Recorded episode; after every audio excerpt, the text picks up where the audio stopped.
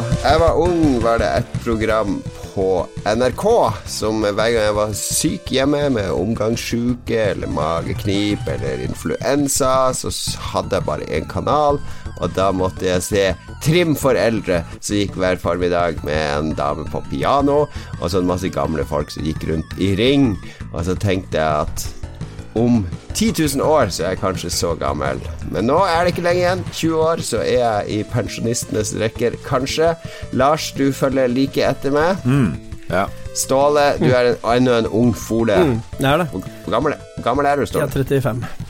35! Du trenger ikke å le av det. Jeg skal jo pleie dere to når dere blir gamle. Jeg håper det. Du skal få lov å playe oss. Ja. Både foran, foran og bak, holdt jeg på å si. Ja, det gjør jeg allerede i dag, da. Men eh, bare så det er sagt. Velkommen til dere to. Det skal om, vi skal snakke om eldrebølgen her i Lolbua. Hvordan det føles å bli gammel og grå. For jeg vil tro, uten at jeg har gjort en markedsundersøkelse eller eh, bestilt eh, data fra Infact eller noe lignende, at eh, jeg og du, Lars, vi utgjør eh, Vi er den eldste spillpodkasten i Norge når det gjelder alder på programlederne. Ja, Det kunne ikke være noe tvil. Jeg er så glad for at jeg ble med i denne. Ja, altså, du, du og Philip er med og drar ned snittet, men jeg og Lars og Christian òg er en gammel mann.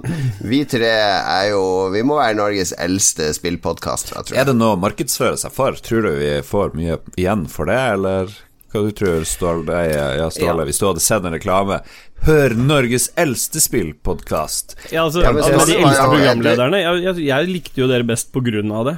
For det var litt annen tyngde enn bare sånn fjas. Og når det er sagt, så er jo det grunnen til at jeg ikke hører på nerdelandslaget, for det blir, er så mye styr og sprell og ordning og styring, så det, det, dette er perfekt. Det er målgruppe for alle. Det når liksom de som sitter og føler at de ikke kan si på en fest at uh, jeg gamer, fordi da får de høre at nei, men har du ikke vokst av deg det ennå? Dette er podkasten for de. Ok, ja, Nederlandslaget er litt mer liv og action. Nei, ikke bare liv og action, det er jo for de med ADHD. Som sitter rundt salongbordet og drikker kaffe og, og sutter på fylte kamfer. Ja, det er, oss, det beste.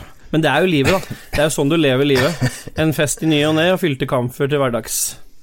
Vi lener oss jo i stor grad på erfaringa vår. Det er jo derfor vi også lager Spillrevyen med Lars, eh, som, eh, som eh, vi føler at vi har autoritet og tyngde til å uttale oss om ny- spillnyhetene osv. Men jeg merker jo at folk som deg, står det, altså folk mellom fra 30 og opp de kanskje eh, respekterer og anerkjenner vår tyngde, men fordi under 30 så er vi jo bare sånne fuckings boomers som tror at vi vet alt, mens uh, der tror jeg vi har lite respekt. Men det, ja, det kan godt hende, det, altså. Men uh, jeg, for meg har dere all respekt i verden. Mm. Hvordan er eh, dine tanker rundt det, Lars? Og du er, gratulerer med ny jobb. Du skal jo nå starte en ny avis i Harstad, og da må jo du og den andre boomeren, Morten, dere må jo finne ut hvordan dere skal nå millennials. Hvorfor skal millennials høre på to gamle hvite menn som eh, bare skal kopiere Harstad-tiden? Nei, vi skal jo lage en konkurrerende avis. Det har bare vært én avis der jeg bor, og så fant vi ut her på tirsdag kveld Sent tirsdag kveld, vet du hva, vi godtar et uh, tilbud vi har fått, ganske bra, til å starte ny avis. Opp på onsdag, skrev under på torsdag, og på fredag var vi fri og frank. Og på lørdag hadde jeg bursdag, så det har vært en jævlig morsom uke. Så nå har du Du har ikke noe Du har fri frem til du begynner den nye jobben? Jeg begynte jo den nye jobben umiddelbart, så jeg er null, null fri. Så jeg går jo bare og tenker på hvordan vi skal bygge det her opp. og hvordan vi skal nå unge. Det er jo en viktig vanlige, del av det, selvfølgelig. Vanlige folk har jo oppsigelsestid når de sier opp at de må være tre måneder i den gamle jobben og sånn, men eh, du kunne gå på dagen. Ja, det, det var litt forhandling om det, og jeg skrev under på en avtale som eh, er hemmelig. Jeg kan ikke si hva som står i den avtalen, faktisk. så det er jo første gang jeg har gjort det, da. Så man kan jo bare tenke seg hva slags galskap eh, som står i en sånn avtale. Ja, ja, ja. Men eh, det kan du Ja, ok. Han kan Så ikke det- lage nyheter om f.eks. en, en and som har gått seg vill i havna og sånn. De, de Men den, er den liksom nye avisen deres er jo ikke oppe og går i morgen på mandag. Nei da. Neida. Vi må jo kjøpe oss PC-er først, f.eks. Ja. Så, så når jeg tilbød meg og tenkte at du hadde så mye å gjøre å klippe ukas episode, så du har jo egentlig fri hele uka, så du kan jo klippe masse tid å klippe, har du ikke det? Eh, nei jeg, Ingen kommentar. Nei, Det står i den avtalen, det òg. Det er jo mye, mye vi skal gjøre. Jo Hva slags stillingstittel får du nå? Hva, kan du Eh, velge sjøl? Nyhetsredaktør, faktisk. Oi, oi, oi. Ja, Ikke ja. Kan hende jeg skal være det òg, men uh, det står ikke i den nye kontrakten min, tror jeg. Noe av det å bli gammel er jo at uh, man eh, eh, Er dette den siste jobben før du skal pensjonere deg, tenker du? Oi. Kan hende. Kan Oi. hende. Jeg har jo, ja, har jo litt eierandeler i den nye jobben, så det er jo, jeg er jo veldig motivert. Så jeg har jo jobba Når jeg ikke har hatt det gøy, så har jeg jo tenkt å jobbe med den nye jobben. Så det blir jo litt mer sånn 24-7-aktig tilværelse. Det er det. Så, men om man skal være der til jeg dør, jeg vet ikke. Hvem vet? Ok, ok. Hva har skjedd siden sist, da? Vi er jo inne på det allerede, Lars, at du har bytta jobb. Jeg var på, var på, på afterski-fest i går. Det var veldig gøy. Med sånn Jeg for Ja, ned med uten, å, uten å gå på ski først, har vi skjønt. Uten å gå på ski først. Jeg for ned med, med anorakk og skibukser og slalåmbriller. Men det er vel egentlig uh, paintballbriller, tror jeg. For de var ganske store og brutale og grønne. Og litt sånn ekstra beskyttelse her og der. Men det var jæklig gøy. Vi var over 20 stykk og spilte beer pong for første gang i mitt liv. Dere vet det man ser på film i USA. Det er så magisk. Det ble så god stemning. S- Ja. Ti sånne kopper, eller hvor mange det var, på hvert, hver sin uh, side av bordet. Og så så man å kaste pingpongballer prøve å enten sprette de oppi eller kaste. Og så må de andre Nå, drikke nå, hører, nå, nå lever vi opp til at vi skal snakke om det å være gammel, for det her har ungdom gjort nå i 15 år, Lars. Og nå, er det akkurat som foreldre. Det er sånn der Mm. pappa har kommet hjem, og, og vet du hva, sønnen min nå, Vet du hva vi gjorde i går? Vi satte opp sånne kopper og spratt en sånn ball oppi, og så ser du de ungene bare himler med øynene. De har jo ikke gjort det. Det er jo bare ting du bare har sett på film. Jeg er sikker på Nei, det, det skjer spilt- hele tida. Det, skjer Nei, nei, nei. det er jo helt normalt. De kan, de, de kan alt det her, kidsa nå. Ståle, har du spilt beer pong? Jeg har ikke det, men nå er ikke jeg jeg er ikke, Ja, men hør da Det er viktig å si jeg er ikke representativ for noe som har med min generasjon å gjøre. Jeg hører på vinyl på radio. Jeg, altså, jeg, jeg er jo en gammel mann i en ung kropp, så jeg er jo ikke representativ for noe som har med Jeg har aldri vært det. Ok, ok, så gamlingene har vært på fest, og så har de sett en sånn YouTube-tutorial hvordan de skal spille beer pong. Han ene sto med YouTube på siden der. Han sa vi skal sette dem opp sånn. Tre her nede, tror jeg, og så er det to litt lenger opp der. Men det Ja, skjedde var... noe annet på den festen, har jeg fått høre.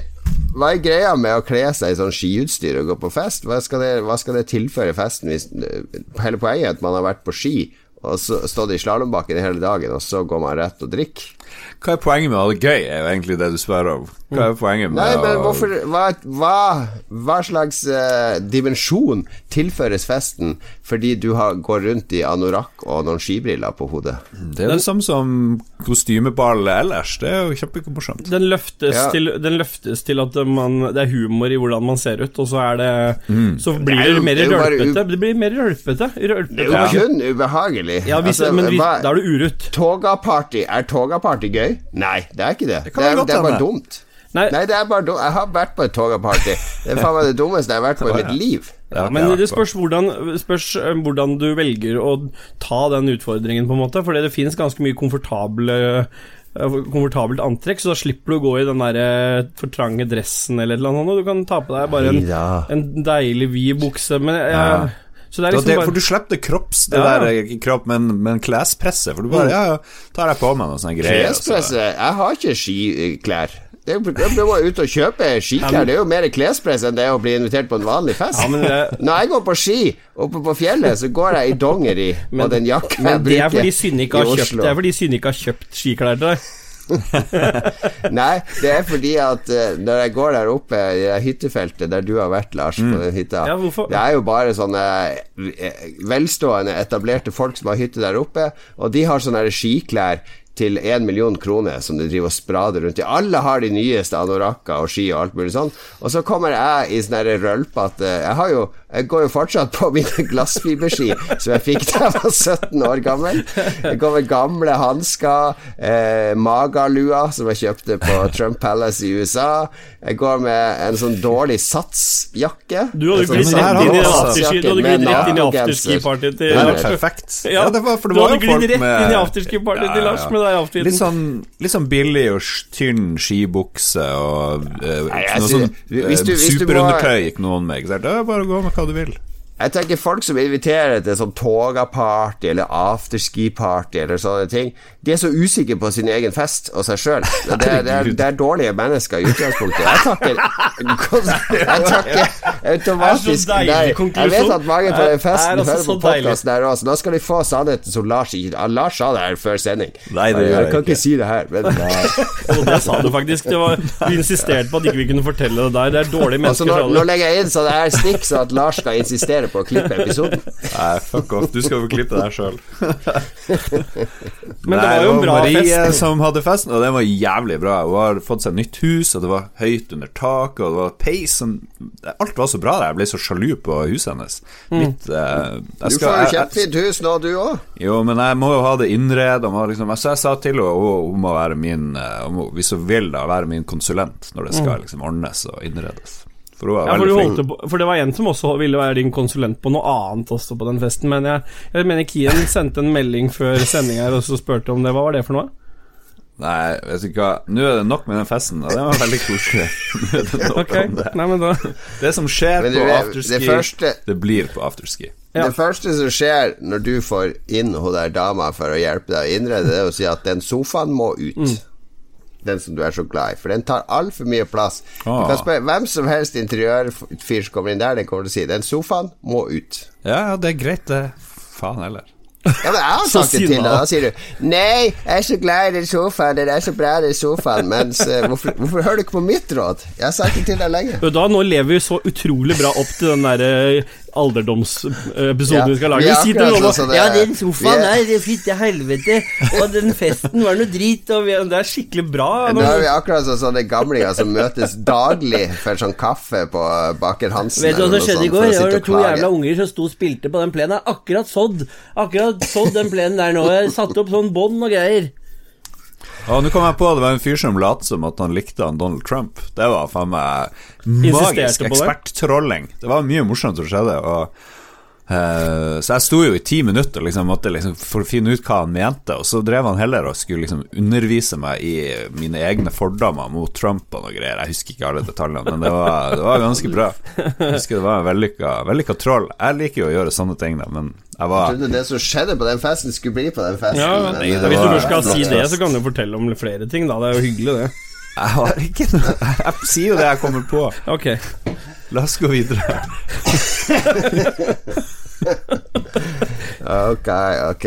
Vi går videre. Ståle, Ja, hver gang du er gjest, så skal du snakke om barnebursdag. Gjør du ikke annet enn å feire Nei, det sier, Dette er jo tema fordi vi skal ha en øh, bursdag med å bli gamle og ikke ha noe liv.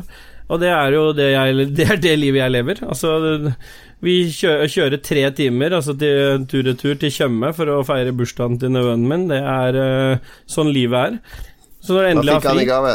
han fikk, uh, Nå fikk han cash til å kjøpe seg noe, for jeg kjøpte, vi kjøpte Xbox til en til jul. Selvfølgelig. Cash? Er det- Vips eller fysiske Ja, han fikk fysisk cash, så han kan stå liksom og kaste litt cash rundt seg. Det er litt viktig å ta vare på det gamle Jeg, jeg er gammel mann, så når, jeg, når ungene mine får cash, så er det liksom Da må jeg ta det og vippse til de, for de vil ikke ha fysiske penger. Nei, nei jeg jo liker å være litt gammeldags, så de får liksom se hva de har fått. Du, du gir ikke en sjekk. Vær så god, det er 200 har- kroner fra Kjøve Sparebank. Men vi, vi, får, vi får faktisk sjekk av eh, tanta til eh, Nei, gjør de det i- fortsatt? Til jul så får vi sjekk. Så får vi en Oh sjekk oh med gaver til unga. Og det er så helvete, fordi det som er dritt, er at når du skriver ut en sjekk, så er det sånn sikkerhetsgreie på, så da må vi ha med passa til unga for å cashe Ja, ja. den der sjekken i en fysisk bank. Det er så mye Og så må du gå i samme bank som sjekken er skrevet ut i, ellers er det et gebyr ut av helvete. Det er så mye styr for å få de der eh, 400 kronene som står på den sjekken. Liksom. det liksom det er jo en, det er en god idé. Jeg har lyst på sjekkhefte nå. Det er jo perfekt. Plager. Altså far, Farmora mi pleier å gi sjekker, og det er ikke fordi hun ikke kan gi noe annet, men det er bare fordi hun, hun er sånn av natur at hun, jeg vet hun gjør det bare for pure, for hun vet at det er et, gjør et helvete for Altså Det er litt sånn kult å gjøre det, så hun, hun gjør det bare for å være vanskelig, liksom.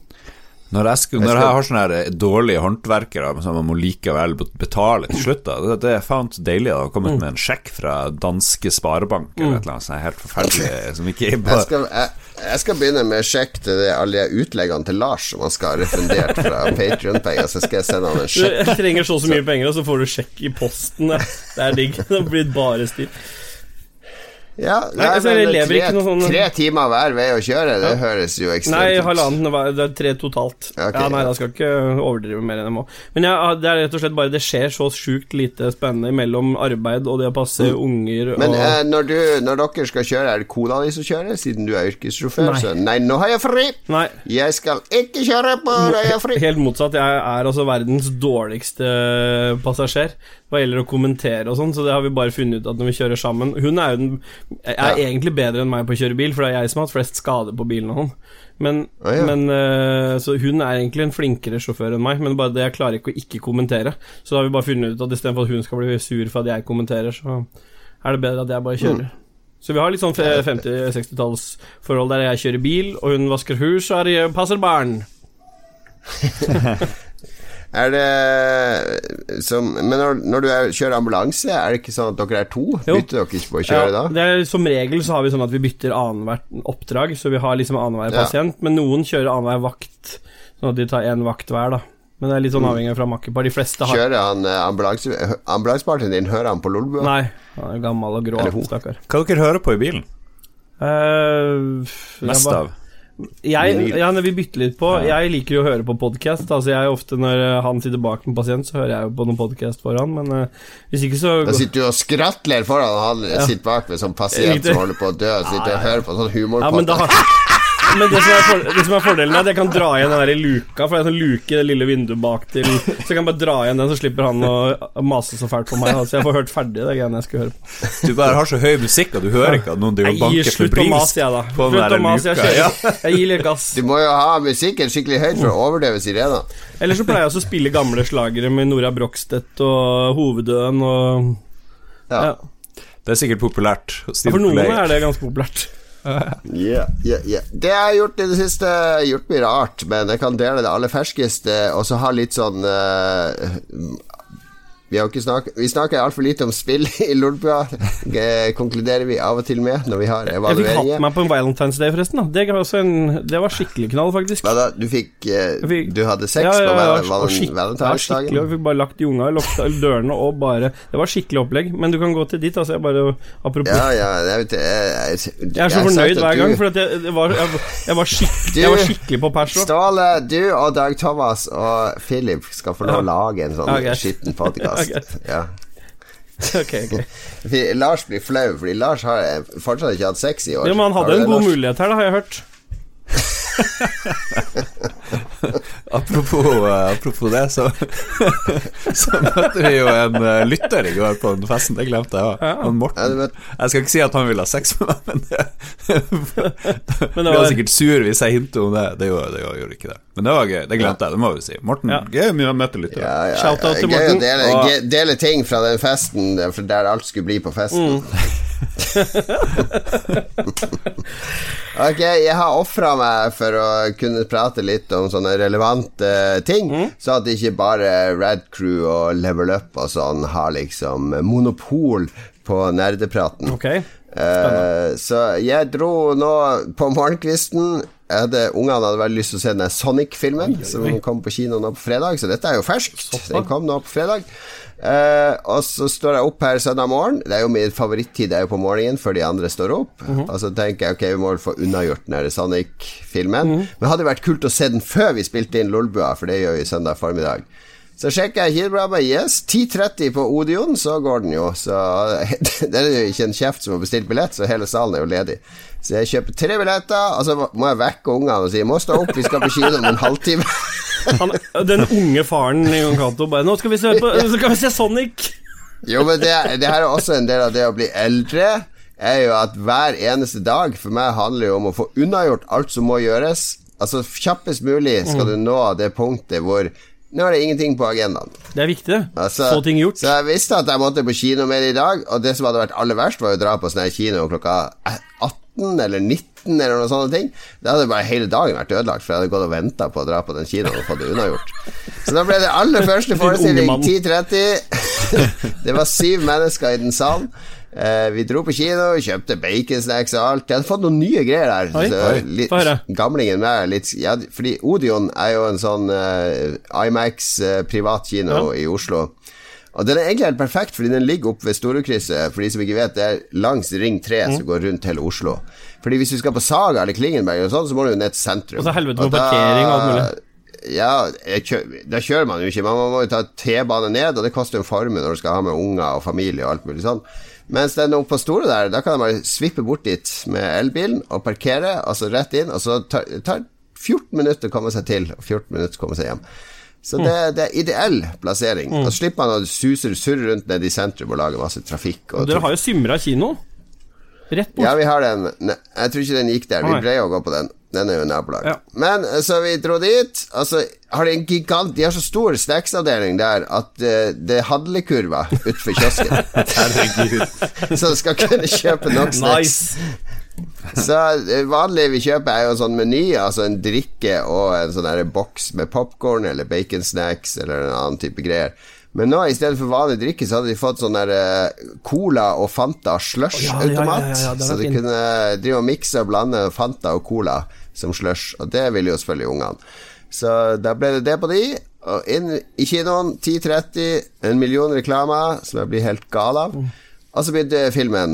Og Sonic-filmen er, eh, er akkurat som du forventa deg. Det er en totalt meningsløs, idiotisk, eh, ganske boring film om Sonic. Eh, men høydepunktet er jo Jim Carrey, for han er jo basically Ace Ventura som slemming.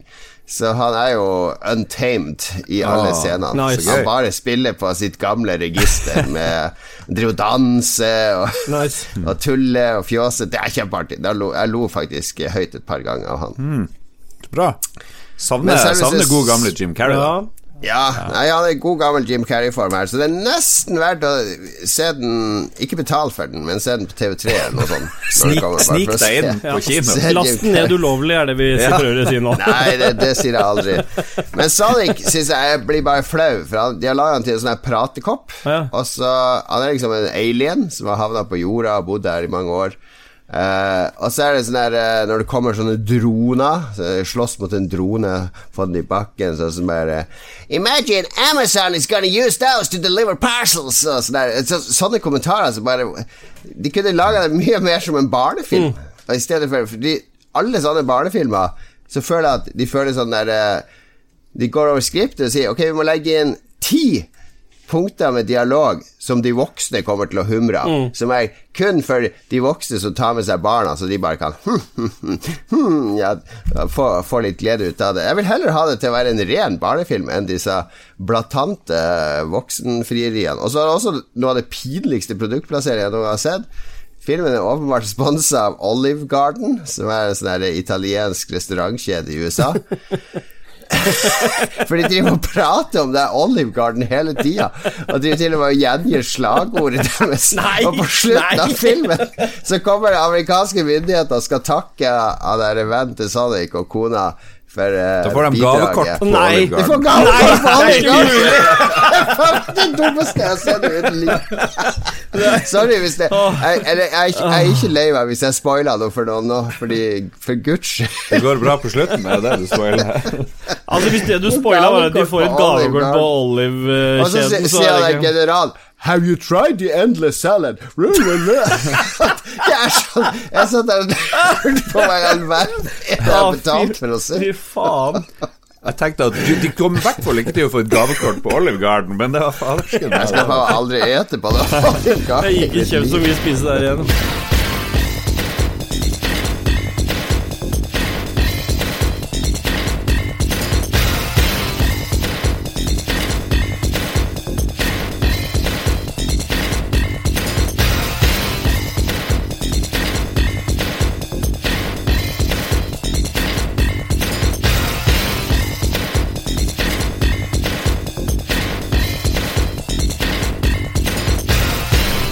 Snakke om det å bli eldre, det er temaet i dag. Eh, og vi har spurt eh, lytterne om det. Eh, det kommer litt senere, men nå skal vi ta for oss oss tre.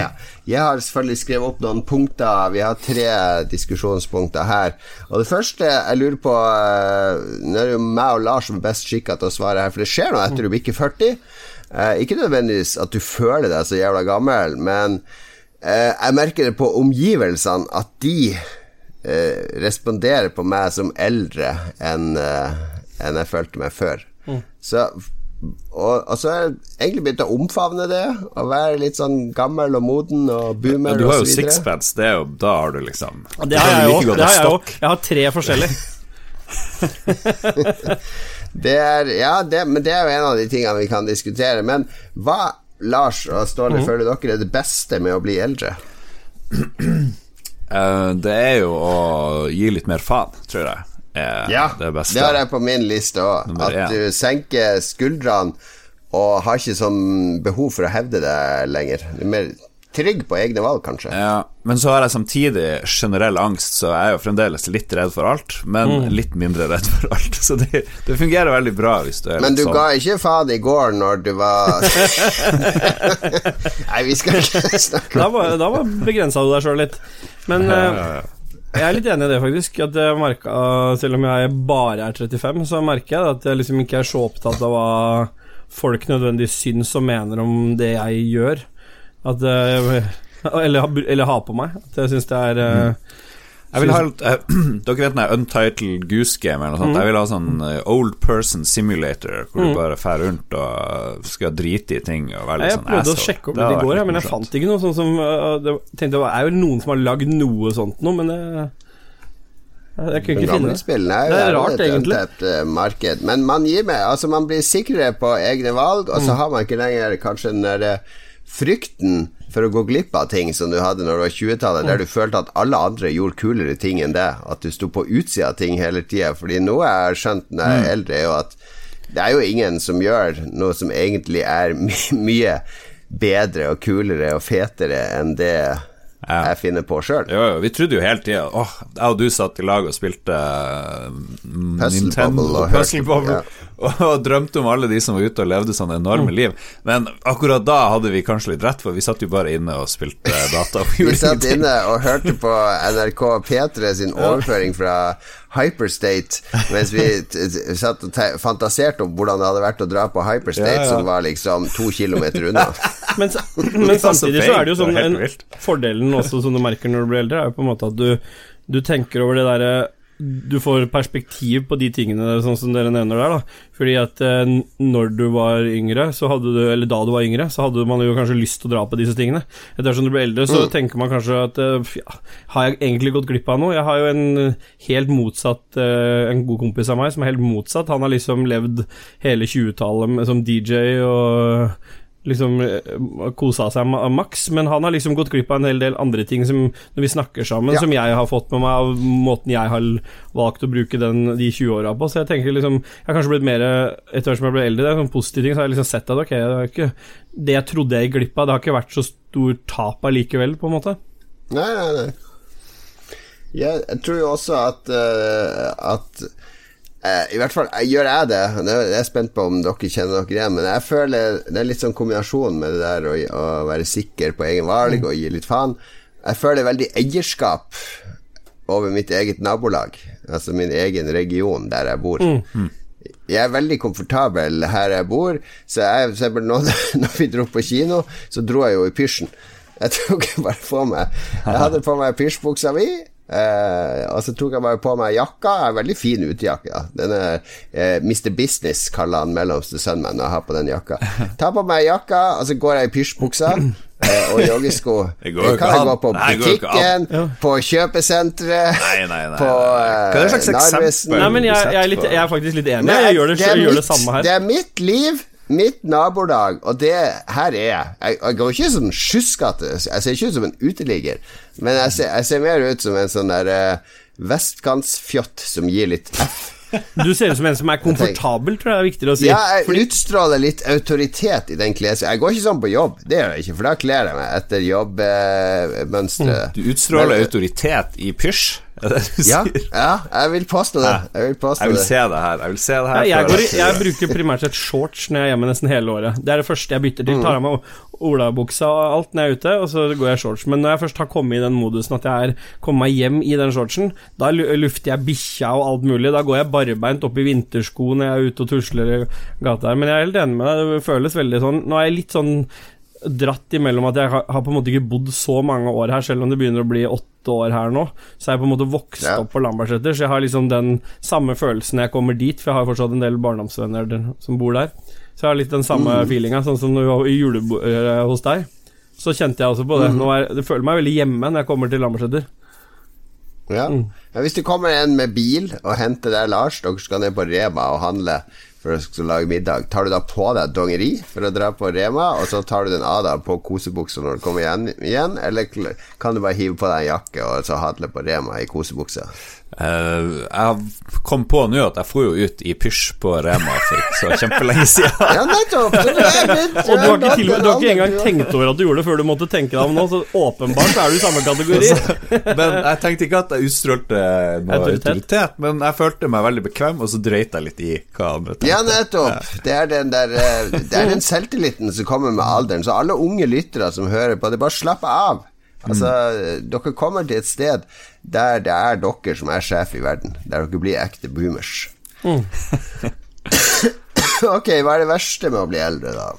Det er jo ikke noe tvil, er det det? Det er jo kroppen som forfaller i, i mystiske måter. Du får plutselig snakk deg Snakk for deg selv. Du får sånn her ondt her og der som du aldri hadde ondt før. Og plutselig sånn kne, du skal gå opp trappa. Hva faen er det her for noe? Jeg bruker jo å gå opp trappa hver dag, men i dag så er det litt vanskeligere enn det noen gang har vært. Og så er det bare fordi du er blitt eldre. Det Cellene regenereres jo ikke og på den måten de burde, tydeligvis. Så Det er bare blir det frustrerende å se.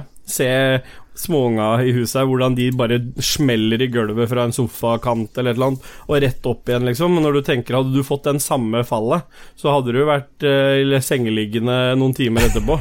Så det er liksom eh, frustrerende å se hvordan liksom den derre Hvordan forfallet er. Ja, kroppen Det skjer jo noe etter du bikker 40. Eh, Louis C.K. hadde vel en rutine om det at hvis du går til legen med vondt i ryggen eller sida eller låret eller kneet etter du er 40 år, så er det bare sånn Ja, ja. For Bare prøve å gå litt roligere da, og så se om det avtar. Mens før du er 40, så er det sånn Ok, rett inn til CT-scan, og la oss sjekke sjekke om det er noe eh, Om vi kan fikse det. Men eh, det er jo et uunngåelig faktum at nå er jo kroppen jobber jo nå mot å, å stenge alle systemer og skjøtte ned og avvikle, avvikle normal drift. Så livene våre nå handler jo om å, å inspirere kroppen til å fortsette så lenge som mulig. Det hørtes eh, deprimerende ut. Det er jo bare rasjonelt og realistisk, herregud. Men Åssen er det med ambulansesjåfør hvis du kommer eh, Er det sånn veldig forskjell på alder med hvordan du håndterer pasientene? Ja, ja, Hvis det er en mann på 50 pluss som har eh, vært ute på rollerblades rollerblades og falt, tenker du mer sånn For en idiot. Nei, jeg tenker motsatt. Enn en hvis det er en 20-åring. Nei, jeg tenker motsatt. Jeg tenker mer omsorg for eh, Jeg blir mer frustrert av disse her Det er lettere å mot, prøve å motivere disse unge uh, pasientene til å liksom ta seg litt sammen, kontra jo eldre de blir. Da blir det jo mer sympati å hente for mindre ting. Det passer litt bedre, øh, jeg vet åssen det er sjøl, men jeg tenker jo at um, Det som, som jeg også syns er litt sånn um, Som jeg kjen, har kjent litt på, er jo mer og mer det derre øh, At det føles mer og mer for sent å begynne på ting man kanskje hadde lyst til å gjøre. Det Nei, litt men sant, det, nei, nei, nei, nei. Jo, det, det- Du tenker er nøyaktig det, om ti bare- år, så tenker du det samme. Så Ja, og så er tenker du 'Å, skulle ønske jeg gjorde det da jeg var 35', ikke sant. Mm. bare Nei, men sånn studier og sånn, hvis du skulle bygd på noe, noe ah, Skal jeg orke å ta noe mer nå? Liksom, vet, dere har jo vært litt sånn rundt forbi i forskjellige jobber, både med ting som jeg har interessert meg for hele livet, som liksom har vært min greie og vært, vært min hobbybase, har jo på en måte vært deres jobb. Mens ehm, Så det å liksom ikke ha fått tatt noen av de valgene det er kanskje litt sånn man ser på som litt negativt med å bli litt eldre, at man liksom ser på de tingene Som, Du angrer på det ting du burde ha gjort. Ja, ikke anger på eh, Ang ja, altså, ja, det er jo litt Ja. sånn kontra til det jeg sa i stad, men noen ting er litt sånn anger angerbasert, men også litt sånn at jeg ser for meg at liksom Skulle du gått Altså Noen ganger så tenker jeg at det, det, jeg hadde nok gjort meg godt som en god lege, men å begynne på det, det hadde krevd så sykt mye både å ta opp fag, fordi jeg ikke var der når jeg Ikke sant? Og så skulle jeg gått syv år til, og hvor mange aktive år, og så hvor mye må du ofre i mellomtiden, ikke sant? For du kan ikke ha noe særlig jobb.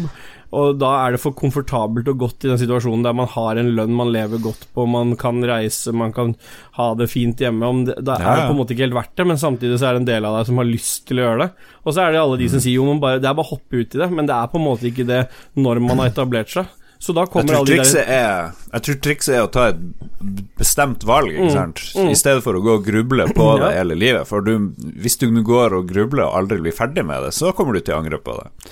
Og så er det jo noe med å slutte med en jobb, det merker jo jeg nå, og begynne med noe annet. Skummelt. Det er jo veldig spennende, det gir deg masse energi, og du føler deg veldig Mm. Glad. Og så tenker jeg ja, ja, det å starte med en bedrift det er jo risikosport, kan hende det går til helvete, men eh, jeg skal nå gjøre alt jeg kan for at det funker, og det er Mm. veldig gøy. Og så kommer jeg til å angre hvis ikke jeg gjør det. Så Mm. så du må jo bare finne ut Ok, legg borti den legedriten nå. Ja da, jeg, ikke jeg, gjør det, men jeg bare, det var mer som en sånn øh, ja, Det er ikke det, det, er, det er jo det som skiller det derre øh, når vi først snakker om det der negative om å bli litt eldre, det er jo liksom det, det som skiller deg fra å være et problem. Det er jo hvis du lar det gå utover hverdagen, liksom, og lar det bli Ja, du snakker om eh, en bitterhet ja, og det føler jeg ikke at jeg er. Jeg føler at jeg klarer å legge det til side, men jeg, hvis jeg har liksom en tid, ledig tid til å gruble litt, så er det liksom sånne ting man kan liksom Som man kanskje ikke tenkte så mye på før, da. Nei, sånn har ikke jeg i det hele tatt. Nei. Men eh, det, det, det er helt andre grunner. Jeg tenker alltid fremover. Det, Mm. Jeg er sånn helt 100% ekspert på bare Når noe er ferdig med, eller tatt Mm. en avgjørelse, så er det liksom Da har jeg egentlig glemt at det var en diskusjon Men eller er et dilemma eller Og det er jo en fin, fin ting, men da vil jeg anta altså For det, det er jo det som skiller oss litt da, fra de, de av oss som på en måte har eh, tider med litt sånn angst og uro i kroppen sånn. Det vi Lars har jo snakka litt om det før, og jeg har også nevnt Mm. litt. Det er, det er den der overgrublinga på ting, og så det, handler det jo liksom Ja, om å ja, ja. finne liksom de tingene i, som avleder litt fra det. Det er jo liksom halve trikset til den jeg, jeg tenker det er også et en tegn på at dere egentlig har det ganske bra, fordi dere må finne sånne ting Mm. Ja, å jeg- jeg bekymre helt dere for. I stedet for å, å være bekymra for uh, noen reell- reelle problemer Mm. ungene har nå, eller uh, noen jobbutfordringer, eller noen økonomiske utfordringer, eller andre ting som, som spiser på, på bevisstheten. Men jeg skulle jo heller hatt det sånn, på en måte, Fordi det er jo fordeler og ulemper med alt. Men det er jo veldig Ja. deilig å være, en, å være klare liksom, liksom ikke liksom der det er en, en eh, utfordring, da. Eller der det er Mm. at du, du har masse Ja, eh, jo, jeg er absolutt enig. En ting som jeg merker Som jeg tror det er spesielt relevant for Lars, eh, er jo den der eh, Nå som vi blir eldre, så er vi jo ikke så relevant lenger. Og den der frykten for å ikke beherske det som de som er 20 år yngre enn oss, mestrer nå og er mye bedre på, enten det er musikk eller internetting eller nye verktøy eller teknologi. Jeg personlig føler at det henger relativt godt med, men jeg, jeg, ikke, jeg kan jo ingenting om TikTok og alt mulig som, som kidsa bruker til å kommunisere Hvis det er lov, det har ikke lov å si kidsa. Du, man høres så gammel ut når man sier kidsa. Sånn, ja, det, man gjør det. Ja, det som ungdommen bruker til å kommunisere.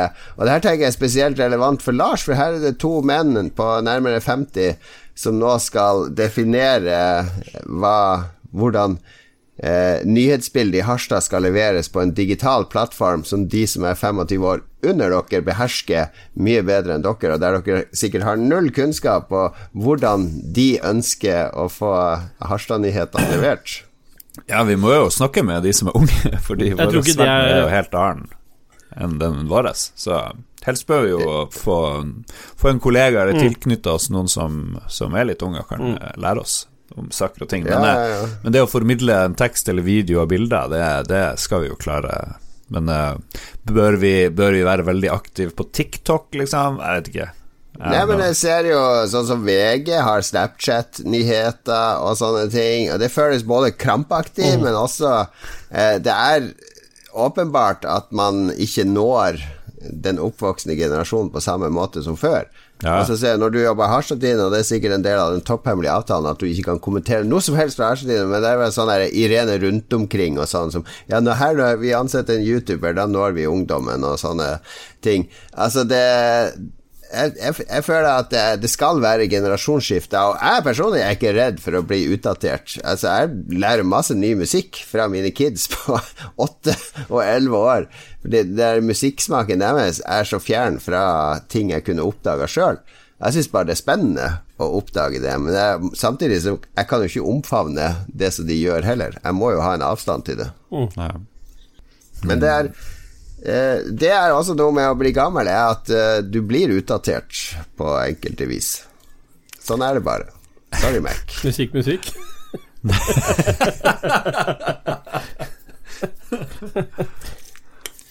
Neida, vi har, vi har ett punkt til. Vi trenger ikke musikk ennå. Vi kan ikke avslutte på sånn meget Nei, det var det som var humoren, da. Ja, det var det. Jeg er jo eh, om 20 år Om 20 år håper jeg at jeg kan bli pensjonist, men antagelig må jeg vel Eller om 15 år er jeg jo død. For jeg, alle Ja. menn i min familie dør når vi er 60. Så, men hadde jeg ikke hatt eh, den genfeilen, så hadde jeg kanskje kunnet pensjonere meg om 20 år. Og om jeg hadde kunnet blitt pensjonist hva er det, må- Eller når dere blir pensjonist, hva er det dere gleder dere mest til i pensjonisttilværelsen? Mens Lars tenker, så skal jeg bare svare det ut. De du refererer til som døde unge, de hadde Altså, det som har skjedd i forhold til hjerte og alt mulig behandling av det de siste 10-15 åra, er det som kommer til å gjøre at du kommer til å overleve de mye lenger. Ja, ja, ja. ja. Hva tenkte du, Lars? Koselig. Jeg er garantert. Jeg gleder meg ikke til noe som helst når jeg er pensjonist. Jeg, min fritid er jo å jobbe med podkaster og tenke på ting der og med nye jobben og sånt. Så, så slapper jeg av med en eller annen TV-serie.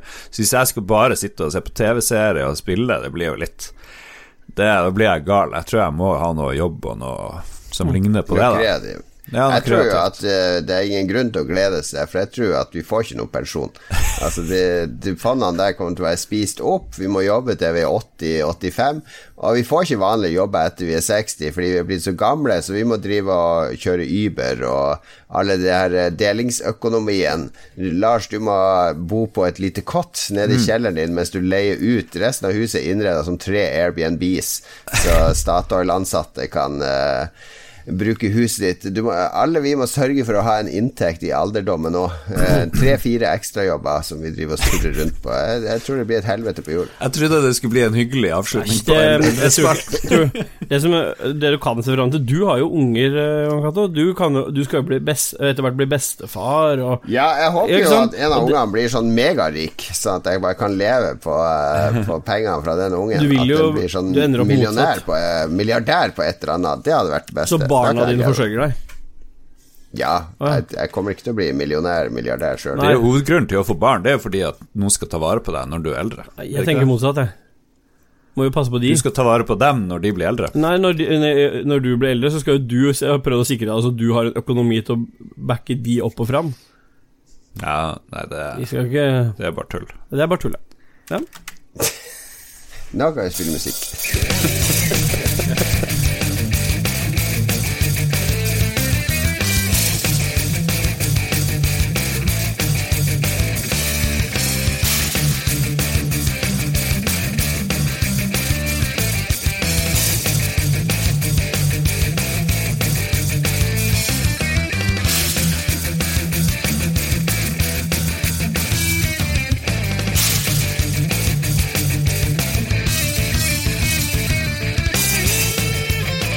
Herregud, for en deprimerende spalte det blir. Men eh, som sagt, det er ikke bare gull og grønne skoger å bli gammel, kjære lytter. Og sannheten får du her i Lolbua. Alle andre tenker at eh, det er bare gøy. Vi skal bli gammel og spille spill og kose oss, men eh, Sannheten er at vi se. dør. Sakte, men sikkert.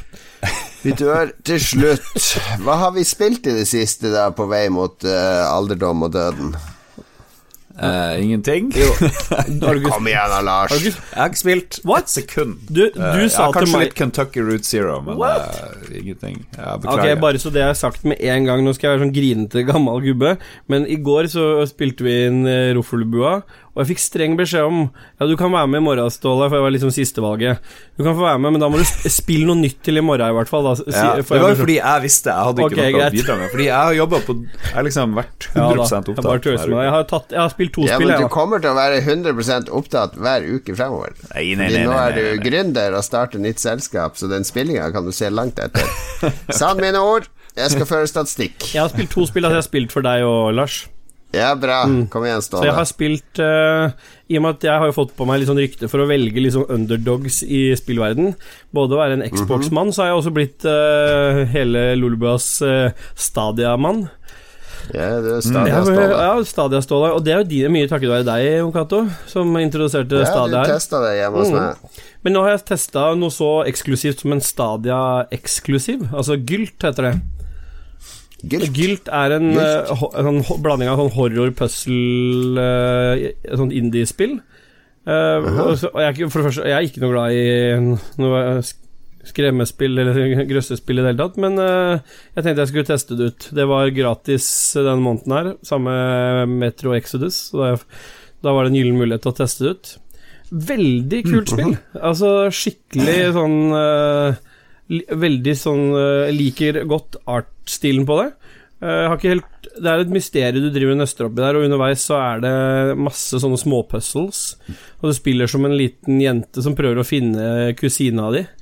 Eh, og så skjer det masse mystiske ting i den, det universet du er i. da Den lille småbyen din. Plutselig er alle menneskene blitt borte, og så er det sånne skumle monster som flyr rundt, og våpenet du ganske raskt får utdelt, det er en sånn lommelykt. Eh, Den bruker ikke batteri når du bare bruker den som lykt, men den har en sånn beamlight, som på en måte er den du kan skyte disse mo- monstrene med, da, hvis, hvis du vil det. Men det bruker batteri, og de er det jo ikke så mange av, så du må liksom hele tiden vurdere Skal du angripe de, eller skal du gå rundt de, og hvordan skal du håndtere det. Så, og det flyter fantastisk bra.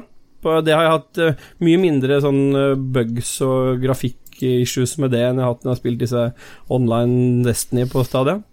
Så hvis du, Det er vel ikke så mange som har en Stadia, men eh, jeg, jeg liker det kjempegodt, så jeg har vel kommet sånn omtrent til jeg så, så har jeg vel kommet litt over halvveis. Um, Er det, er det litt sånn åpen verden, eller er det veldig skripta at du går fra høyre, venstre til høyre, og så Det er åpne Er områder. Er Så du kommer til et område ikke sant? Ganske tidlig så kommer du inn i en skolebygning, da der du le øh, ser liksom glimt av kusina di. Og så er det rom med forskjellige etasjer der. Og så må du på en måte komme deg inn til Den ene døra er låst, så da må du eh, over på andre enden finne nøkkel. Men da er det selvfølgelig noen monster der som du må liksom enten snike deg rundt, og så må du kanskje klatre opp. Da må du finne en stige, så bort og hente den. Klatre opp mm. gjennom Har du spilt litt, Little Nightmares, eller hva det Ja, er? Ja, men det er bare så vidt jeg har minner litt om det. Ja. Grafisk stilen er også veldig lik. Så det, det har jeg testa. Og så har jeg, er jeg veldig aktuell nå med det andre spillet jeg har testa, og det er verdt vært, å be, vært eh, betatester, holdt jeg på å si, via GamePass. Så får du teste eh, Kan du teste nå denne helgen Bleeding Edge. Som er, okay. er eh, dette nye spillet fra Ninja Theory, som er Microsoft Studios kjøpte opp her. De er jo de som er bak Senja Nei, Hellblade Senja Sacrifice, er ikke det det heter? Ja, det her er ikke oppfølgeren til det, eller Nei, er det noe helt dette annet? er Nei, dette er uh, en Overwatch-klone. Som også Oi. har litt grafisk stilen til uh, Borderlands. Du spiller i Det er tredjeperson. i lukka beta nå, så det er den du har testa. Har du lov å prate om Ja, den? den er på GamePass. Den har jeg lov å streame nå. Jeg vurderte er å streame litt i går òg. Den er det- den, den Så det er beta. sånn er- online uh, lagbasert uh, kamp-shooter? Så du har tolv forskjellige karakterer du kan velge, med, uh, kategorisert veldig likt som Overwatch. Eh, Du har en tank-klasse, du har healer-klasse, og så har du attack-klasse. attack-klasse. ser eh, litt sånn FOM-chubby Ja. dame som heter Buttercup. Ja, og, er jeg har, og selvfølgelig er hun den jeg har spilt mest med. Så bra, jeg ser for meg det, ja. Så jeg, så langt så virker det kult. Problemet jeg har litt med det, har vært at uh, når jeg, nå har jeg spilt ganske mye Overwatch. Jeg um, hadde vel mye til felles med Magnus på akkurat det området, tidligere redaksjonsmedlem.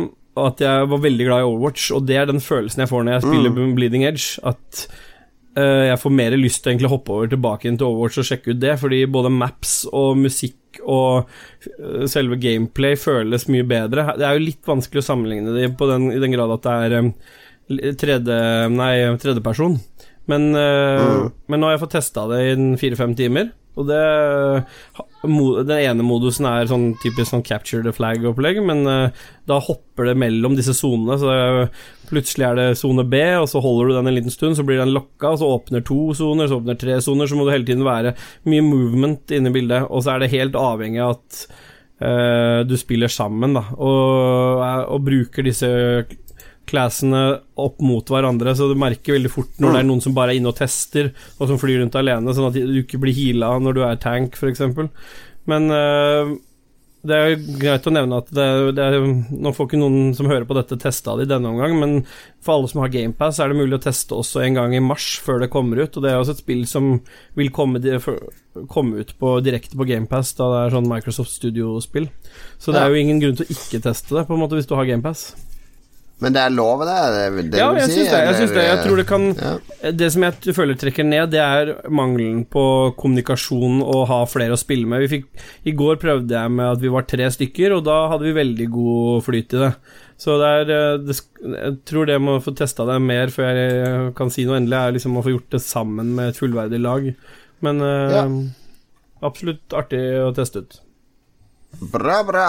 To uh, ferske, eh, relativt ferske opplevelser der. Lars, Godt jobba. han har uh, Lars bare kom og var med på Roffelbua, som jeg organiserte. Skal ikke klippe, skal ikke spille. Hva er, hva er ditt bidrag til Lolbua akkurat per i dag, Lars? Intellekt, intellekt Lars. Og Jeg skal, klippe, jeg skal klippe en Spillrevyen og en Roffelbua, skal jeg ikke det? Så, Jo, så det skal du. Har du forberedt spillerevyen? Eh, ikke i det hele tatt, så det må vi gjøre etterpå. Vi spiller inn spillerevyen i kveld, tror jeg, for jeg trenger litt tid før det. Ja, ja. Eh, men den blir bra. Den blir bra. Vi får eh, må prøve å spille noe neste uke. Ikke bare være gründer. Jeg skal spille noe sånn gründerspill. Det skal jeg gjøre. Litt sånn business. Jeg må spille noe bi Ja, Business. gjør det. Jeg har spilt uh, Hades, eh, som det heter. Uh, spillet fra Supergiant Games. Det kom jo i Early Access for over et år siden. På, eh, da eksklusivt på Epic Game Store. Eh, og så har det også kommet på Steam nå, så jeg har fått ganske mange nye spillere. Og de har en veldig kul eh, Early Access-modell med at de gir ut en ny sånn patch hver sjette uke. Så det er liksom i spillet er det sånn nedtelling til neste gang det kommer en sånn major content update. Og det har vært fungert ordentlig bra. Jeg, har, jeg spiller vanligvis ikke sånne singleplayerspill på Early Access, fordi jeg liker å vente til hele spillet er der, sånn som med Dead Cells og andre. Eh, men akkurat med det spillet her så har det vært veldig gøy, og jeg dyppa innom annenhver måned, liksom, og så bare sett hvordan spillet har utviklet seg og blitt mer og mer eh, systemer, og mer og mer fiender, og områder og, og ting å leke seg med. Så det er, det er jo de som lagde Transistor og Bastion og Pyre. Um, holdt seg veldig til den samme håndtegna artstilen. Eh, og er også sånn 3D isometrisk spill, sånn som eh, Transistor var. Men i motsetning til Transistor så føler jeg at du har mye mer direkte kontroll over karakteren din her. Du har en karakter som, hvis du har et sverd, så kan du liksom slå et sånn vanlig angrep, eller et sånn eh, area-angrep, eller du kan rulle, og så har du en sånn uh, range attack så du kan skyte ut, men da må du drepe han fienden du treffer, og få range attacket tilbake og plukke det opp igjen. Eh, og så kan du oppgradere alle disse attacks, og så kan du også få nye våpen, så du kan løpe med bue i stedet for sverd, eller andre kule våpen, som endrer hvordan du spiller veldig. Og så får du sånne gaver fra de ulike gudene. Det heter Hades, så det foregår jo i eh, Det blir vel gresk mytologi, med eh, krigsguden eh, Ares er med, og uh, den der tre- ser jeg. Og Poseidon, og den trehoda bikkja er i, i, uh, i tronsalen til din far. Så basically er det sånn rogue-spill der du prøver å komme deg gjennom Hades, og det hver gang er det randomme brett med fiender og ulike algoritmer som bestemmer hva du møter, og hva utfordringene er. Eh, og så når du dør, så kommer du tilbake til tronsalen, og så har du, tar, tar du vare på litt sånne ulike currencies, som du kan bruke til å kjøpe deg ulike oppgraderinger, sånn at du blir sterkere og sterkere og får mer og mer å leke med etter hvert. Men det er så lekkert og så smooth og så deilig å spille når alt klaffer, og du har kontroll, og du finner de rette oppgraderingene, og du velger ulike pass. Du må også velge, når du har cleara et rom, så er det ofte to eller tre utganger, og alle, hver gir deg en ulik uh, ting, så du må velge om du skal samle på edelstener eller shadow pieces eller andre ting. Uh, ja.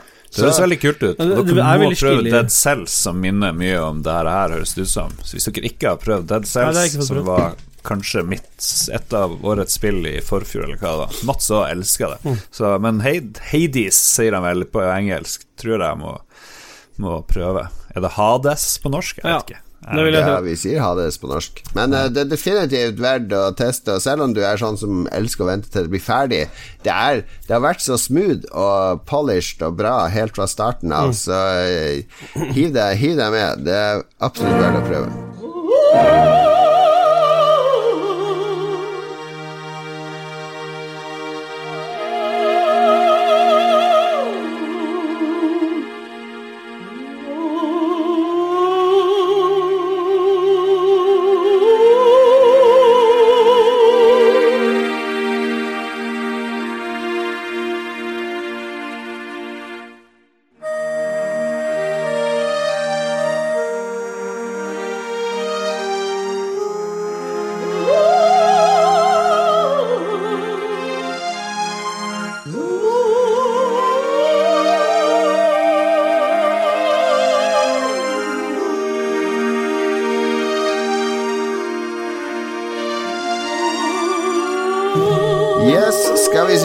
Ikke klippe av podkaster, ikke spille av spill, og ikke har han gidda og limt inn eh, spørsmål og svar fra lytterspalten denne gangen. Lars. Gud, du får gjennomgå. Ja, det her var, det var beinhardt. Jeg bare jeg, Fest og moro, det er, det er hans liv. Har vi noen spørsmål fra lytterne? Hvis ikke, så bare Masse. stopper vi her. Altså. ja, Men vi har jo ikke- anbefalingsspalten, som eh, du har hoppa over her. Må du eh, gjøre jobben din ordentlig? Har vi det først? Programleder. Ja, vi har det. Oh, ok, Ja. da eh, tar vi eh, noen anbefalinger her. Så foreslår jeg at eh, den ene av oss tre, han som har bidratt minst eh, denne gangen, kan klippe og lime litt eh, brukeranmeldelser mens vi anbefaler ting. Hva synes du, Ståle? Jo, ja, det liker jeg. Jeg kan begynne med Ta for min en bitterhet. Jeg er bitre gamle venn. Sånn Det er er det det. episoden handler om. Vi er tematiske, Lars. Yes. Jeg skal anbefale en uh, film om en uh, halvgammel mann som jeg så på Netflix. Uh, Adam Sandler er jo, ho har jo hovedrolla i filmen Uncut Gems. Som er en fantastisk, fantastisk film om en juvelselger i New York. Adam Sandler storspiller, og han er jo vanligvis en veldig tøysekopp i sine filmer. Men i denne filmen så er det jo en ganske seriøs rolle. Han er en sånn halvgammel juvelselger som har en elskerinne i New York, og som bor eh, litt utafor New York med kone og barn. eh, og driver en juvelbutikk. Og akkompagnert av en veldig sånn Vangelis-aktig musikk, lydspor, som ligger oppå filmen stort sett konstant, og bare stresser det. Så driver han og stresser rundt med 10 000 ulike ting hele tida. Han, han har vært hos legen, for det er mulig han har kreft. Han driver og svindler folk i øst og vest. Han er en notorisk gambler som, eh, som hver gang han får penger Og det, han skylder folk penger overalt. Folk tror de skal få pengene sine, så gambler han de bort. Eh, han lyver til kona, han lyver eh, Ja. Han har en elskerinne, en kone Han har så mye Aldri sett en, en mann som har så mange baller i lufta på en gang. Altså går og sjonglerer så mange potensielle katastrofer på en gang. Jeg blir stressa bare av å høre på det. Og den filmen er så stressende at du sitter eh, du, er, du er sånn uh, fysisk og psykisk sliten når den er ferdig. Uh, og den har hatt noen sånn limited theatrical release, og forrige uke var jeg på et sånt seminar på um, Nordisk Film. Nei, ikke Nordisk Film. Norsk Filminstitutt om fremtida, sånn fremtidsseminar. fremtidsseminar. Og der var det ei som snakka i sitt foredrag om den filmen Uncut Gems som eh, hun hadde sett på kino, og så hadde en av de sterkeste kinoopplevelsene hun har hatt, fordi hele salen sitter og holder pusten nesten hele tida. Og, og det var sånn hun kunne fysisk høre i salen folk som bare fordi de hadde glemt å puste, fordi det var så intenst. Eh, det er en helt sinnssykt bra film. Eh, jeg, har gått og tenkt på den så mye i ettertid, og den handler også Det er litt med den alderdommen å gjøre at jeg kan kjenne meg igjen i Akkurat som jeg kjenner meg igjen i Fleksnes. Som min kone hater at jeg kjenner meg igjen i Marve Fleksnes. Fordi han er bare det verste av nordmann. Men jeg tenker det er mye ille nordmann i meg òg. Men jeg kjenner meg igjen i Adam Sandler sin karakter og i denne fatalismen, denne omfavnelsen av undergangen. Eh, det selvdestruktive genet som, eh, som driver deg helt til kanten. Eh, jeg har alltid hatt kontroll på det genet, men det er jo i oss alle. Altså denne eh, evnen til å drikke seg sørpe full, til å gjøre dumme ting, til å ødelegge for seg sjøl. Og det å se det i så ekstrem utfoldelse, det ja, Jeg ble, ble veldig imponert. Ja. Så den bør absolutt ses. Uncut Gems, eh, Netflix-film. Eh, 10 000 tomler opp fra meg. Ståle? Jeg har endra litt. Uh, dere sitter fram og tilbake og ser om jeg finner Ja. en god eh, anbefaling. Jeg skal ikke prate så mye som deg, som er litt sånn ordrunker av natur. Men eh, jeg skal anbefale en podkast jeg har fått litt øya for oppe i det siste. Det er faktisk eh, ikke så lenge siden de har vært Norges mest populære podkast generelt. Men eh, jeg har hatt mye moro med å gå gjennom de siste, eller siste året med episoder fra Friminutt, som er en podkast med Herman Flesvig og Mikkel Niva.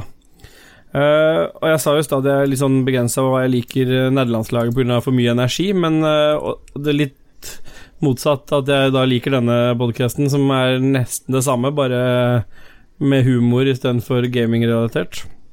Uh, og det er vel egentlig det jeg vil si om det, at hvis du er litt sånn eh, liker litt uh, parodier og liker litt uh, lettbeint underholdning, så er det en halvtime med enkel, grei humor. Men begynn fra starten, og hvis du ikke har fått den med deg til nå, så er det jeg tror de fleste vil ha ganske mye moro med den podkasten. Er det ikke, er det ikke sånn kids-podkast for eh, veldig unge folk? Det er riktig, men det er jo det vi tar opp her nå. Åssen skal vi holde oss eh, Åssen skal vi gamle få litt ungdom tilbake? Jo, men det, er, det blir noe feil når vi gamle Når du Ja. Nei, nei, nei. Hvis jeg hadde gått Ja. til min 18-åring og sagt 'Å, du hører på Friminutt', ja, det, har, det hører pappa også på. Ja. Det er liksom, jeg skal holde jeg- meg jeg, unna jeg, de tingene. enig, jeg er litt enig, men måten jeg løser sånne ting på, det er å ikke si at jeg hører på det. For det er jo sånn at det er tillatt for oss gamle å høre på musikk og alt som, som unge, ja, film men og blir sånn det òg. ikke veldig slitsomt med Mikkel Niva og eh, Flesvig eh, konstant i sy ja, jeg syns også det, men jeg syns det skulle, Var ikke denne spalten her sånn at vi ikke skulle kritisere hverandre initielt? Det var litt jo Jo, litt jo, det sant, det. Sant. Du vet, jeg har jo intervjua Mikkel Har Niva på, eh, på Lolbua. Ja, Ja, ja. ja, ja. Det var når jeg var De lagde jo teater Ja. av uh, FTL-spillet. Mm. sånn der eh, det er improteater. Og da var jo jeg der og dekte det for Lolbua. Jobba som vanlig hardt Begge for Lolbua. Er vet du. gamere, så- Ut og lage reportasje. Intervjua Mikkel Niva og greier. Ja, de er jo veldig det, det holder med et par episoder av gangen, men det, det, som er, det jeg syns er mest sånn ålreit med det, er bare at det er så my, mye energi. Så, sånn som i går, når vi satt en halvannen time og kjørte bil til uh, Ja. Så er det utrolig sånn lettbeint underholdning, så både jeg og kona lo høyt, og det blir sånn sosial, morsom, enkel humor noen ganger, og så er det nok for en liten periode igjen. Det er, jo- alt kan ikke være knallseriøst, så det er litt deilig med det. At det bare Bra, Ståle. God anbefaling. Ikke hør på Jon Cato der. Jeg kan ta anbefale noe jeg tror kanskje noen har anbefalt før, men det, det kan være greit å minne folk på det, fordi eh, jeg, i, av en eller annen grunn når jeg hadde litt uh, tid til overs, så har jeg bytta ut eh, Monk, som jo har vært min sånn avslappingsserie i det siste. Bytta litt ut Monk. Jeg likte ikke at de bytta ut uh, skuespilleren som spilte assistenten hans. Så da hoppa jeg over på noe som heter The Good Place, som jeg husker noen anbefalte, og det er jo Kristen Bell. Um, tror jeg. Ja, Kristen Bell eh, havner i himmelen. Eh, hun dør, hun blir påkjørt. Men så, så har det skjedd noe feil, for hun havner i himmelen og er egentlig et ganske forferdelig dårlig menneske. Så hun er den ene slemme blant alle de snille oppe i himmelen, og så blir det bare kaos, fordi eh, han, eh, han som har bygd himmelen, eller denne delen av himmelen, han som spilte han der fyren i Cheers, han der eh, bartenderen. Ted Dansen. Ja, Ted Dansen, ja. Han er magisk. Han heter Michael. Han er kanskje, jeg vet ikke, er han en uh, erkeengel Michael, eller det er litt usikkert hva han er. Han har bygd eh, himmelen, og den bare begynner å rakne opp når uh, Kristen Bell havner der. Hun prøver å skjule, det er litt sånn der eh, stressfaktor der òg. Blir de oppdaga at hun egentlig er helt forferdelig. Eh, hun må dele hus med en sånn moralfilosof som fortviler. Han, eh, han er så filosofisk etisk rett at han tør ikke gi opp eller eh, angi henne, Fordi da, da er han redd for å gjøre noe galt ikke sant, sjøl. Mye bra humor. Det å se sånne helt forferdelig umoralske mennesker drive og stikke av og klare å komme unna med ting, det er ganske morsomt. Det er litt artig. Så veldig mye bra humor. Eh, trodde ikke den skulle være så bra, så jeg, men jeg, av en eller annen grunn satte den på. Og Ted Dance er magisk, Kristen Bell er helt topp. Masse bra skuespillere. Ei sånn engelsk overklassedame. Hun er så perfekt på alle måter. Hun er så ufattelig disgusting, men bra spilt. Det er, som en deilig Er jo bedre enn uh, Er bedre enn Hyacinth. Ja, hva det Nå er vi tilbake på Ja. gamle spor igjen. Når vi refererer til Hyacinth Hyacinth. eh, eh, Bouquet. Yes! Bouquet, ja, ja. ja. Nei, hun er faktisk Richard! Richard! Hyacinth er bedre? Ingen er bedre det.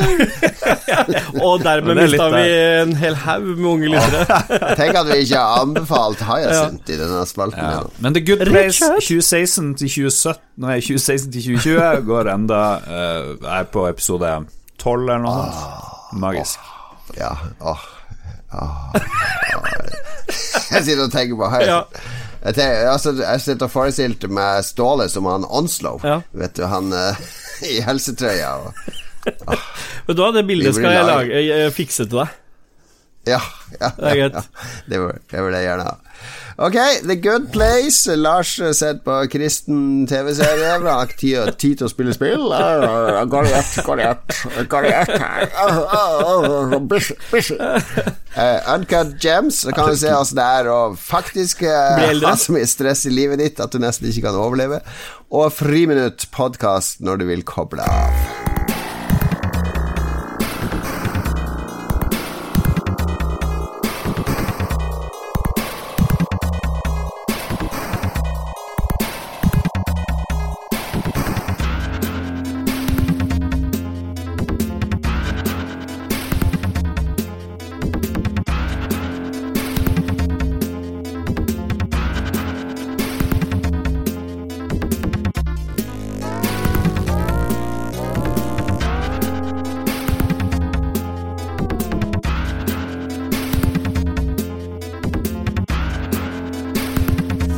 Lytterspalten er nå klar. Eh, Godt jobba, Lars.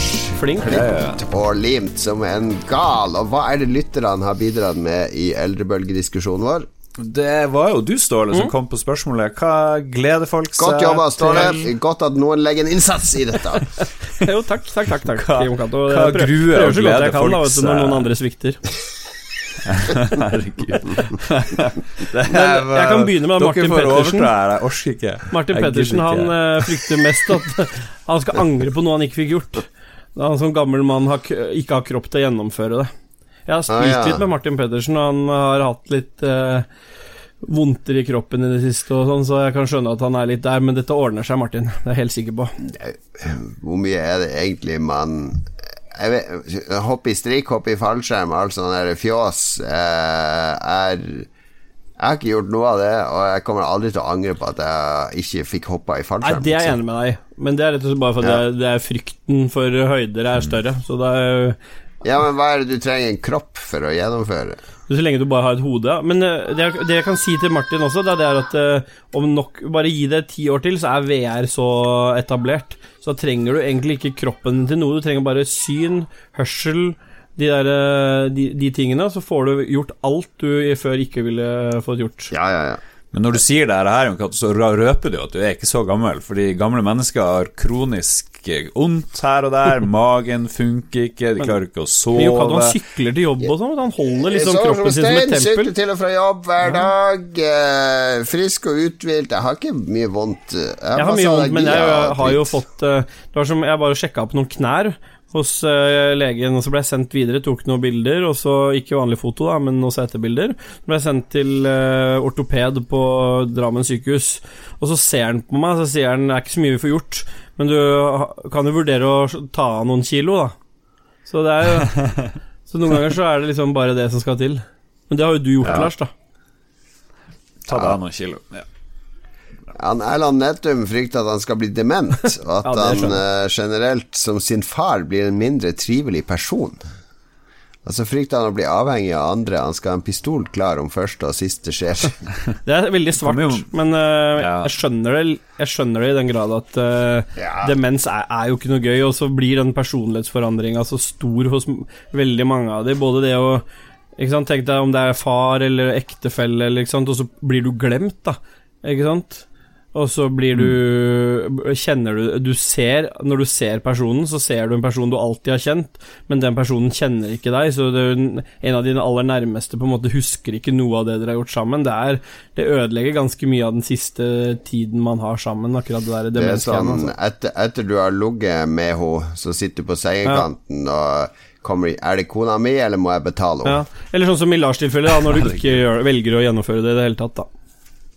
Eh, men vi må jo si til han Erland og alle andre som hører på, at det her å ha pistol og lefle med selvmord, det er liksom Det er litt Det er ikke så gøy lenger, det der å kuke med selvmord, syns jeg. Det Nei da. Men jeg, frykt, jeg har jo en reell frykt for Alzheimer og demensia sjøl òg, men uh, det er akkurat som min rasjonelle innstilling til at det går, går ikke an å gå rundt og, og deppe over ting i fortida, så går det ikke an å deppe over ting i fremtida heller. Bare kjør bilen rett mot Rett fram, og så håpe at ikke det møter en vegg. Wow. Ja, visdomsord i Lolbua. Stian A. Skjerven, klarer du å lese opp én, Lars? Eller um, aldri Jeg klarer jo å lese opp, men jeg er litt Ja, provosert. ja, ja. Lars ville ta fullføre denne- Mobbe- mobbebua. Nei, jeg syns ikke det. Ja. Stian A. Skjerven, da. Han øh, Frykten for dagen å bli for gammel for gaming, det kommer aldri til å skje, Stian. Du blir aldri for ga gammel, gammel for kan- gaming. Du, vi har uh, vi, jeg, jeg har jo en, en, en venn av meg, bekjent, uh, som fikk slag mm. i fjor. Og han, han kan jo ikke bruke venstre arm lenger mm. som før, så spille med gamepad ble plutselig eh, uaktuelt. Mm. Nå må det liksom være mus. Mm. Det, det var jo noe som jeg ikke hadde tenkt på å kunne skje, liksom. Ja, du- se på den kontrollen til, øh, som Microsoft utvikla, den der som er til, Ja. Den som er tilpasset, kan tilpasses av nesten alle funksjonshemninger. Som gjør at du kan bruke bein og armer til det meste. Alt kan liksom Det kan være et stort marked nå Mm. i framtida, for nå kommer det en masse gamere som vil bli eh, fysisk utfordra i framtida, Mm. og som gjerne vil fortsette å game. Så det, der tror jeg Microsoft har vært eh, forutseende. Mm. Vi ser om han leser opp noe nå. Skal vi se. Magnus Eide. Magnus Eide Salstad gleder seg til ha tid til ting, og siden han ikke skal jobbe så mye. Og så gruer han seg til å bli så gammel at han ikke kan spille FPS. Men når du er gammel, så skal du koble maskinen inn i hjernen. Ikke sant? Du, skal, det, du trenger ikke kropp. Jeg tror, Du det, jeg tror det kommer til å koble kobles via ræva, jeg. Faktisk. Og jeg tror det der å glede seg til å ha tid til mer ting, der han ikke jobber så mye, det kommer aldri til å skje. Det ser jeg på mine svigerforeldre, som begge er pensjonert, og som aldri har hatt så mye å gjøre eh, noen gang. Så det Forhåpentligvis skjer det ikke, for jeg tror at du stagnerer og kjeder deg ganske fort hvis du ikke har mye å gjøre. Men der tror jeg du har sagt noe bra i dag, i hvert fall, Jan Cato. Det er i hvert fall å, leve litt i nuet. Det tror jeg er eh, Når vi først snakker om disse Ja, temaene. ja, ja. Fordi det du, det du tenker at du skal spare Altså, nå får jeg mer tid til dette. Da er det bedre å ta seg tida til det i dag, fordi det er alltid noe du kan flytte på eller endre på som gjør at du får tida til å gjøre det. Om det er en ferietur eller om det er mer spilling. Mm. Så få, gjør, få gjort det i dag, er det jeg pleier å si til Tida er nå. Tida er nå. Tiden er nå. Det er det jeg sier til Stine. Bjørn- Tenk hvis jeg får et slag etterpå. Vi må få det gjort nå. Og så kan vi Ikke sant? Det er det du sier hver gang du vil ha Ja. sex. Tilfelle Tenk hvis da blir Kan være siste gang. Det kan være siste gang, ja. Da står den ikke opp lenger. Da må vi hjelpes. Bjørn Bjelland gleder seg til ungene er gamle nok til at han kan spille litt med voksne spill. Mm. Altså håper han VR-teknologien er bra om 30 år, så han kan kose seg på gamlehjemmet. Han gruer seg ikke til å bli gammel, men håper bare at han blir det. VR-teknologien er der han skal være allerede nå. Du kan se pornoen i bra oppløsning nok. Herregud. Ja, men du kan det. Har du, har du prøvd VR-porno? Nei, Det er, nei. helt- det er mindfuck as hell.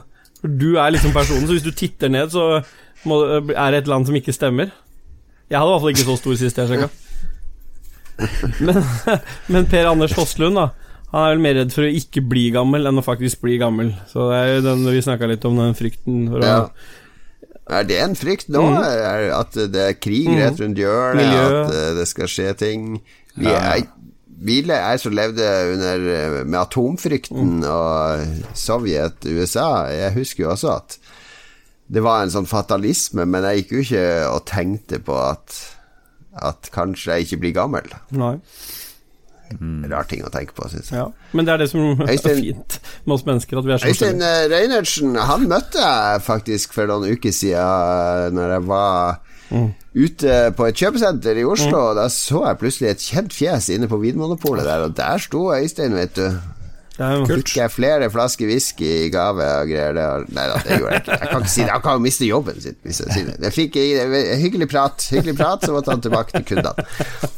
Øystein er veldig hyggelig. Ja, det er en veldig Ja, bra mann. han er eh, kanskje den hyggeligste lytteren vi har, så dere andre lyttere får skjerpe dere. Se til Øystein. Ja. Se til Det hjelper at han er sørlending, da, og har det Ja. et utrolig fantastisk smil. Jeg hadde ligget med han, jeg. Ja. Et vinnende smil. Et vinnende Jeg hadde smil. lett ligget med han. Eh, Ja, det Som sier du om alle. Nei, jeg gjør ikke det. Jeg gjør kanskje det. Ja, Ja, som lettere Kanskje jeg skulle ligge med en vininteressert mann, det er det jeg driver og etterspør her. Ja, Nå må du la Øystein få si Ja, ja, det han vil, unnskyld. Ståle, og slutte å fantasere Ja, om ja, ja. Øystein. Som lettere vininteressert ser han fram til å få tid til å drikke opp flaskene han har samla opp gjennom livet. Så da blir det nok dagfylla også. Dagfylla er nesten alltid den beste fylla. Han ser fram til å drikke seg full oftere på dagtid, altså. Den deler jeg. Den har jeg omfavna for lengst. Ja, den er fantastisk. Det er jo, så vi jo på Lars òg i går, når han Ja, ja. bælma på vi- flere Så whisky var før klokka tolv. Han var nesten edru til å møte mora si litt senere på dagen. Ja, ikke helt. Nei, dagfylla er topp. Så, så lenge man ikke blir alkoholiker, så er det bare å kjøre på. Kjør på. Kjør på, Øystein. Vi joiner deg i Ja, ja, ja. dagfylla. Skal vi avslutte med han Kristoffer Christopher Get Boys, Hansen Lista. Han gleder seg også til å drikke, men da øl, whisky og vinsmaking. Og så skal han gå gjennom backloggen på spill, bøker, film og serier. Og så gruer han seg til alle sykdommene han kommer til å ha. Det er mye frykt knytta til alderdom, da. Det er helt åpenbart at vi ikke er helt sånn komfortable med det. Nei. Nei, jeg tror. Det er ikke sikkert det er sånn daglig frykt, da men med, hvis du spør noen om det, og de blir, en bevissthet om og blir liksom bedt om å tenke på det, så kanskje det blir Da kommer det litt mer Ja. fram. All right. Vi lover i hvert fall at vi i Lolbua, hvis ikke Lars nå sier opp i protest fordi han føler seg som mobba, men vi skal fortsette til eh, Hjelp! Selv, selv om vi blir ramma av demens og Alzheimers og alt, da blir det gøy å høre på. Det blir hver episode snakk om det samme. Fy faen. Jeg har glemt at vi har snakka om det, og vi anbefaler ting tre uker på Det blir bare surr og rot. Har jeg anbefalt det før? Nei, Nei, det har du ikke gjort. Det blir sånn rorbua, nesten. Det kan- Vi blir vi Har blir du hørt om han og- som Har vi telt? Har vi husket i telt? Er vi Så live? kommer de samme råtne gamle røverhistoriene på nytt og på nytt. Å, det blir bra. Hva er det mest- Lolbua om 20 Hva er det mest erigerte du har vært? Den kommer til å gå igjen mye. Det blir gøy. det blir gøy Vi gleder oss til å bli gammel, kan vi si. Vi, vi frykter det ikke. Bare gå fremover med faste skritt, så kommer alderdommen. Og så omfavner du den perioden av livet ditt sånn som den er. Med, på det gode og det onde. Akkurat som det å være 14 år er noe drit, så er sikkert det å være 80 år også noe drit. Men det er også gode sider ved å være ung, og gode sider ved å være gammel. Og nå som jeg har blitt kjent med dere, så har jeg liksom fått en fantastisk grunn til å glede meg til å bli gamle med nye Respekt for de venner. eldre. Er det det har fått Ja, du vil bli gammel med oss, Ja. er det du sier. eh. Blir så glad i ja, dere det at er jeg gleder meg til uh, en alderdom med dere. Ok, vi skal Det er veldig fint. Tusen takk. Jeg vil bare avrunde. Vi skal takke produsentene våre. Hva heter dem, Ståle? Vi har TTMX fire. Vi har ny. Oi! Oi! Rorufu, TTMX MP og Kobrakar er de tre eksisterende. Og så har vi fått en så ny en. Det er ei som nylig har oppgradert til 50 dollar, og Anne-Beth. Oi, oi, oi. Wow. Fuck, da må jeg ordne T-skjorte. Da må du ordne T-skjorte. Tusen takk til alle våre produsenter, og takk til alle andre som støtter oss på Patreon og takk til alle som hører på oss. Eh, Vi lager også en podkast som heter Spillrevyen. Eh, Hør på den òg, og følg den, og lik den på iTunes osv. Eh, og så høres vi igjen om en uke, rett og slett. Takk Gjør det. for oss. Og så kommer det Roffelbua denne uka her du hører der. For alle patrions. For alle patrions som betaler en viss sum. Ha det bra.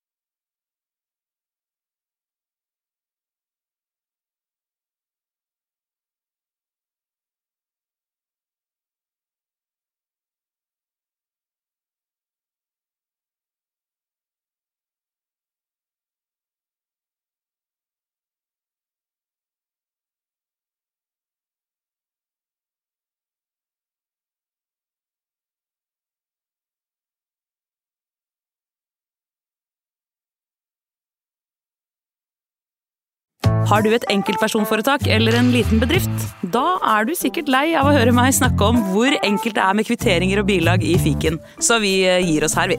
Fordi vi liker enkelt. Fiken superenkelt regnskap.